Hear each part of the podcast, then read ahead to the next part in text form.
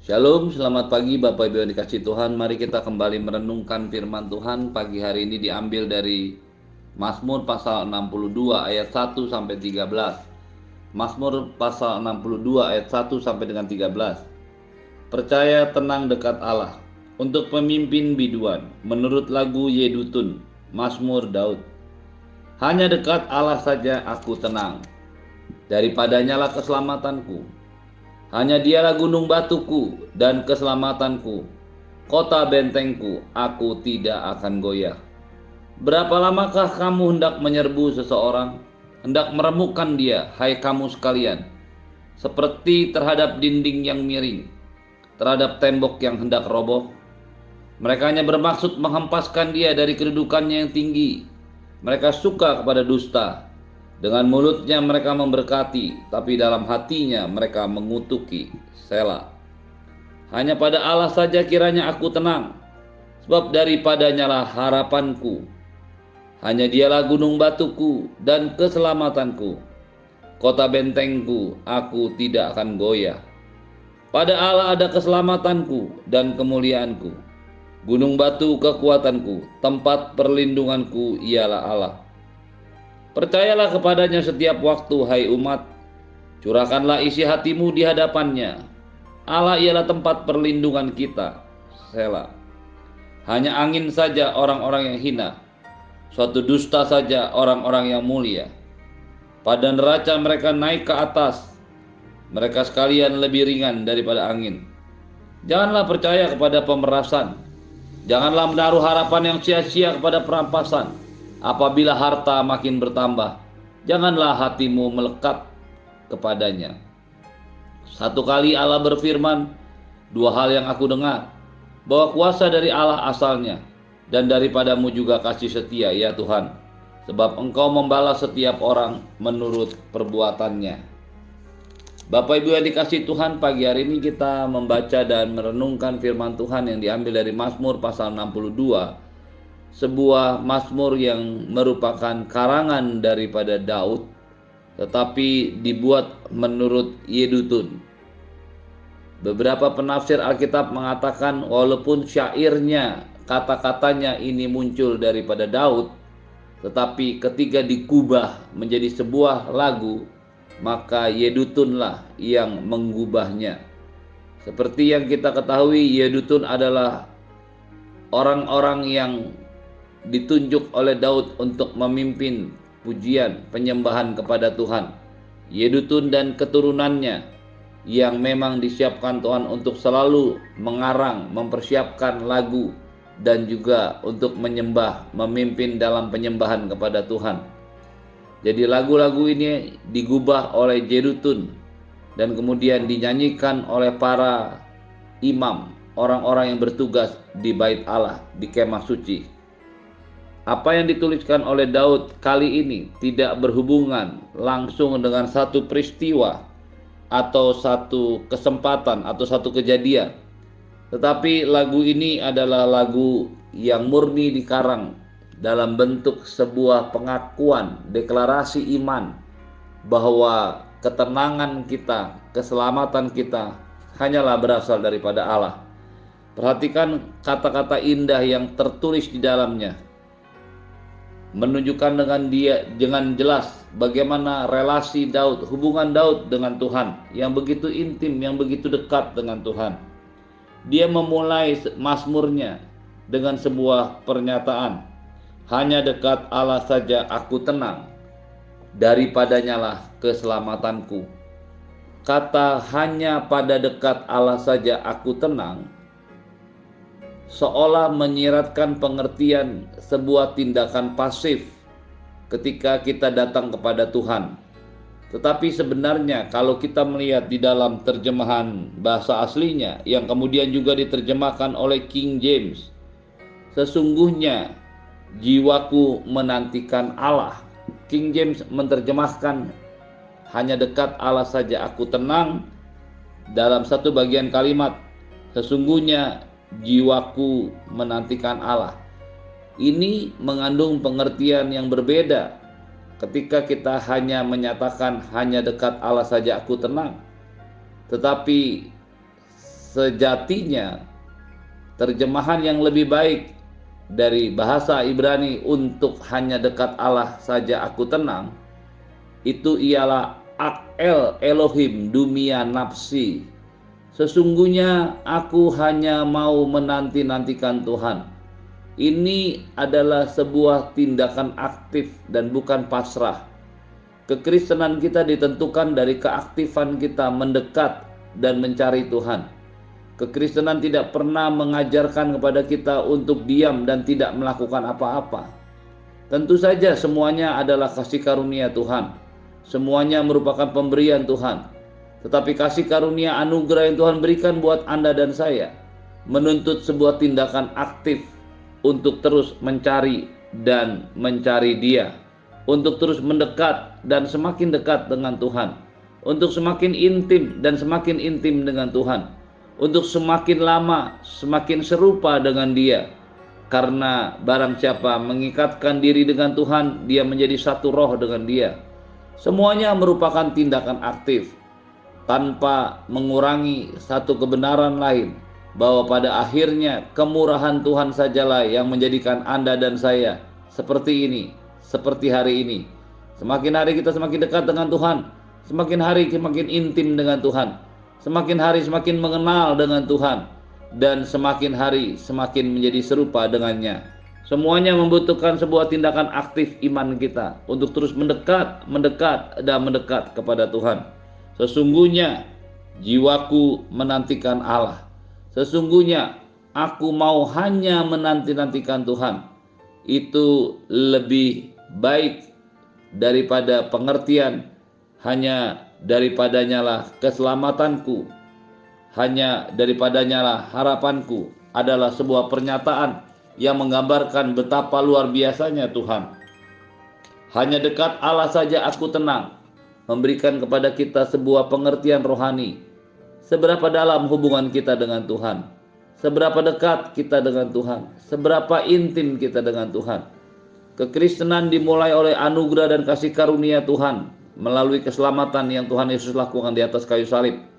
Tapi kekristenan membawa Anda dan saya untuk terus mendekat kepada Tuhan. Terus mengupayakan semakin hari semakin intim dengan Tuhan. Menyediakan waktu kita dengan Tuhan. Sehingga pada akhirnya kita bisa berani berkata, hanya dekat Allah saja aku tenang. Tidak ada sumber ketenangan lain selain Tuhan. Tidak ada tempat lain yang bisa memberikan kedamaian selain Tuhan dan hadiratnya. Hanya daripadanya lah keselamatanku. Hanya daripadanya lah harapanku. Hanya dia gunung batuku, kota bentengku, kota keselamatanku.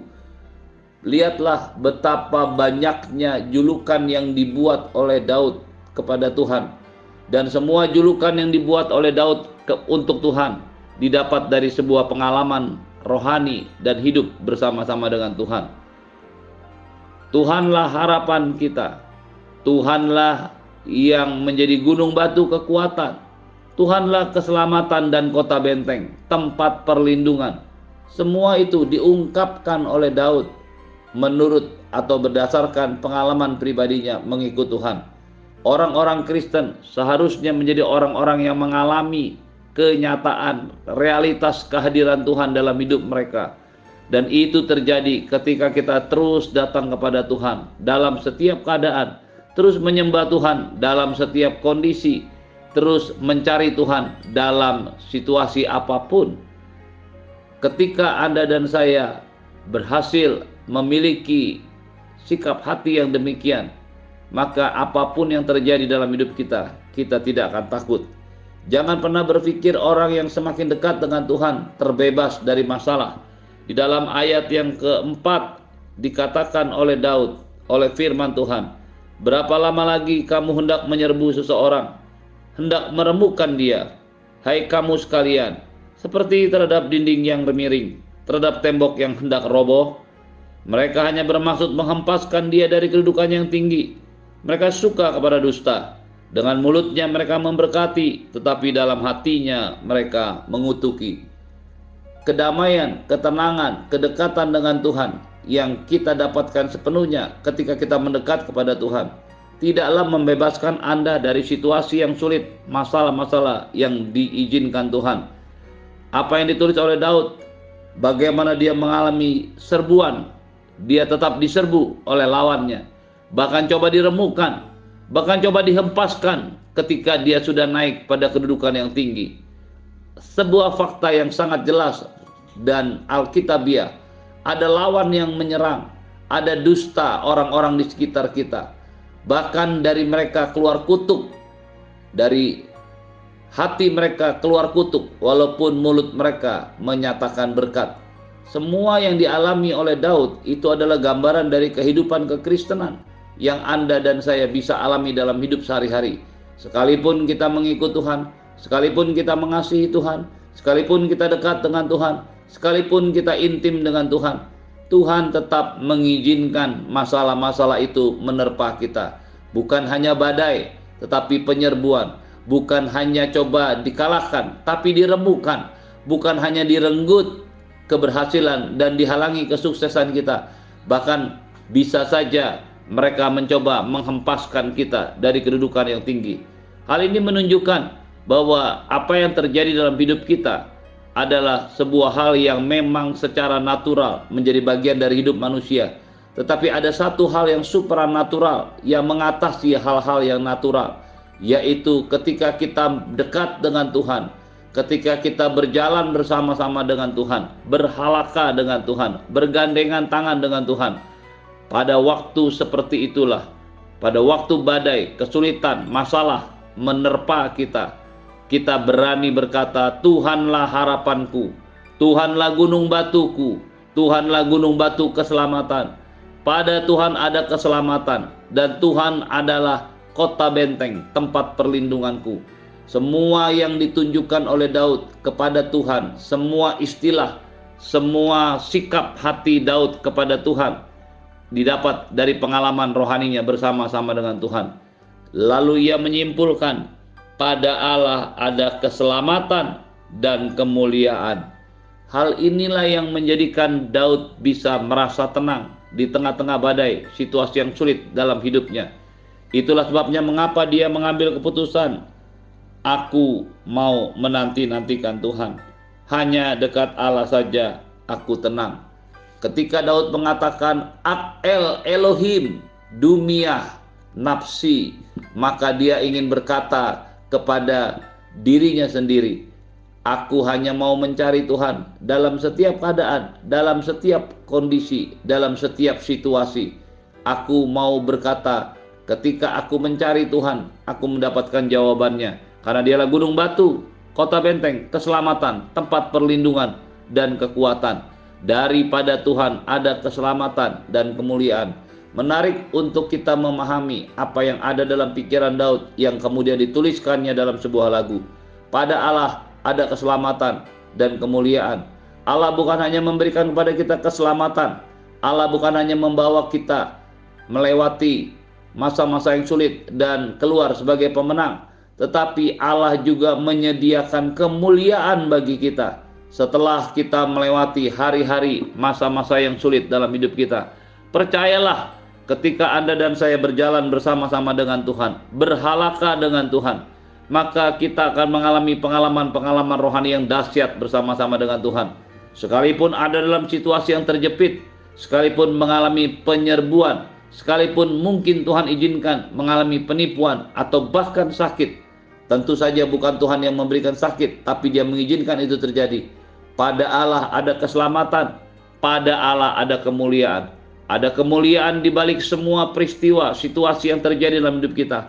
Inilah yang dicari dan menjadi tujuan utama Allah atas hidup Anda dan saya.